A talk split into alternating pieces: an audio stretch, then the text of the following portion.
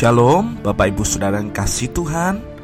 Kembali saya menyambut Bapak Ibu yang ada di rumah Untuk kita kembali belajar dan merenungkan firman Tuhan. Firman Tuhan yang menguatkan dan akan membentuk hidup kita untuk semakin serupa dengan gambarnya. Bapak Ibu Saudara kasih Tuhan Hari ini tema yang saya ambil adalah Iman wanita kafir. Terambil dari Markus pasal yang ketujuh ayat 24 sampai selesai. Perikopnya perempuan Sirofenesia yang percaya. Lalu Yesus berangkat dari situ dan pergi ke daerah Tirus. Ia masuk ke sebuah rumah dan tidak mau bahwa ada orang yang mengetahuinya, tetapi kedatangannya tidak dapat dirahasiakan. Malah seorang ibu yang anaknya perempuan kerasukan roh jahat segera mendengar tentang dia lalu datang dan tersungkur di depan kakinya. Perempuan itu seorang Yunani, bangsa Sirofenesia. Ia memohon kepada Yesus untuk mengusir setan itu dari anaknya. Lalu Yesus berkata kepadanya, "Biarlah anak-anak kenyang dahulu, sebab tidak patut mengambil roti yang disediakan bagi anak-anak dan melemparkannya kepada anjing." Tapi perempuan itu menjawab, "Benar, Tuhan." Tetapi anjing yang di bawah meja itu juga makan remah-remah yang dijatuhkan anak-anak. Maka kata Yesus kepada perempuan itu, "Karena kata-katamu itu, pergilah sekarang, sebab setan itu sudah keluar dari anakmu." Perempuan itu pulang ke rumahnya, lalu didapatinya anak itu berbaring di tempat tidur, sedang setan itu sudah keluar. Bapak Ibu sudah kasih Tuhan, yang pertama yang kita perlu belajar adalah seperti ini. Di ayat 24 Yesus merahasiakan kedatangannya. Dia tidak mau orang mengetahuinya, tetapi justru akhirnya ada satu orang ibu yang mendatangi dia, bukan orang Yahudi, tetapi orang Yunani, orang kafir.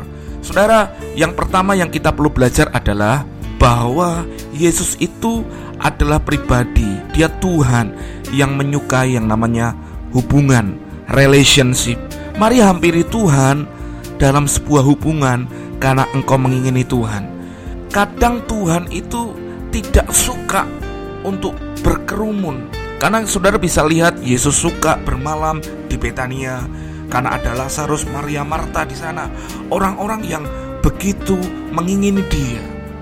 Hal yang sama, Yesus tidak mau ada orang mengetahuinya, tetapi ada satu perempuan yang sangat mengingini dia.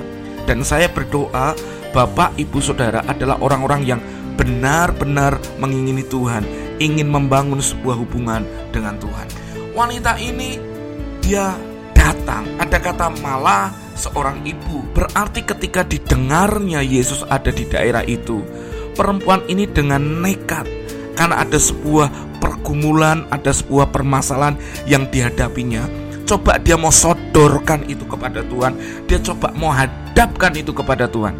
Saudara, seharusnya kita hari ini yang ada ini, kalau kita punya pergumulan permasalahan, engkau harus membangun hubungan dengan Tuhan. Yang kedua, engkau harus mendatangi Tuhan.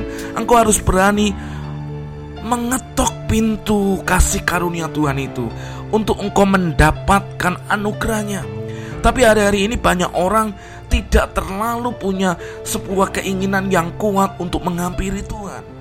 Perempuan ini memiliki pergumulan yaitu anaknya kerasukan setan. Dan saya tahu mungkin dia sudah mendatangi ke banyak orang untuk menyembuhkan anaknya dan anaknya tidak sembuh. Tetapi ketika kesempatan itu dipakai oleh dia, dia tahu ada Yesus. Dia mungkin juga pernah mendengar berita tentang Yesus yang sanggup menyembuhkan. Dengarkan ini. Perempuan ini tidak menyanyiakan kesempatan itu untuk menghampiri dia. Lalu ketika perempuan ini, perempuan kafir ini, dia menyodorkan pergumulannya. Tuhan tidak serta-merta langsung menerima apa yang menjadi pengajuan pergumulan wanita ini.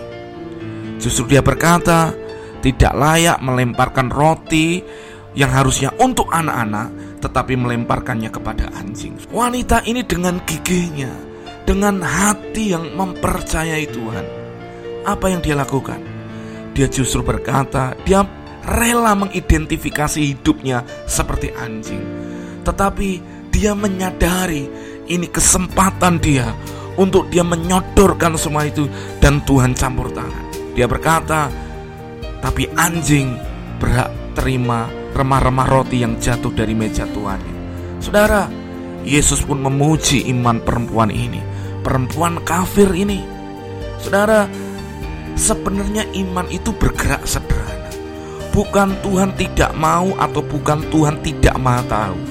Tetapi kadang Tuhan memberikan sebuah pertanyaan seperti mengetes atau dia mengecek hidup kita apakah kita benar-benar tahu dan sadar apa yang kita minta.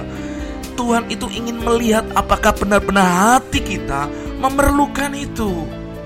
Seperti suatu kali Yesus pernah berjumpa dengan seorang buta yang bernama Bartimius.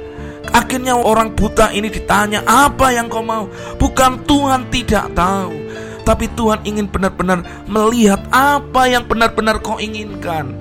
Hal yang sama, bukan Tuhan tidak penuh belas kasihan, tetapi Tuhan ingin melihat apa yang paling dasar dari permintaan yang wanita kafir ini minta. Tetapi wanita kafir ini bisa menunjukkan, bahkan dia bisa memproyeksikan imannya. Sampai Yesus berkata, "Sebab oleh kata-katamu, dengar, berapa waktu kita belajar, perhatikan apa yang keluar."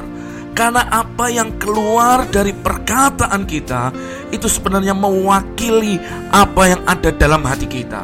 Saya berdoa Bapak Ibu menangkap kebenaran ini supaya kita menjadi orang yang terus membangun relationship kita dengan Tuhan. Kita menjadi orang yang tidak patah arang di tengah keperluan, kebutuhan, pergumulan yang kita hadapi, tetapi kita menjadi orang yang berani menerobos untuk kita berkata, "Ya Tuhan, aku tahu apa yang aku minta." Dan saudara perhatikan, akhirnya wanita ini mengalami janji Tuhan wanita ini Tuhan suruh pulang dan dia melihat kesembuhan terjadi buat anaknya. Saya berdoa kita menangkap sebuah iman yang sederhana.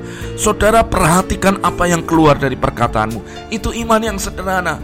Ketika engkau memohon, jangan berhenti untuk engkau terus berkata, untuk meminta kepada Dia. Dia Tuhan yang penuh belas kasihan. Dia Tuhan yang penuh dengan anugerah. Biarkan hari ini engkau boleh menjadi wanita-wanita, engkau menjadi pria-pria yang bisa memproyeksikan iman dengan benar di hadapan Tuhan. Karena Tuhan tahu engkau memerlukan semuanya itu dan Tuhan itu menjawab di dalam setiap pergumulan dalam hidupmu. Ayo bangkitkan imanmu, jangan lemah semangat. Justru di tengah keadaan yang tidak menentu ini, engkau menjadi orang-orang yang berani berdiri dan berkata, "I have faith karena ada iman yang mengerjakan sesuatu untuk gue bergerak dan melihat kemurahannya terjadi buat kita. Haleluya. Amin.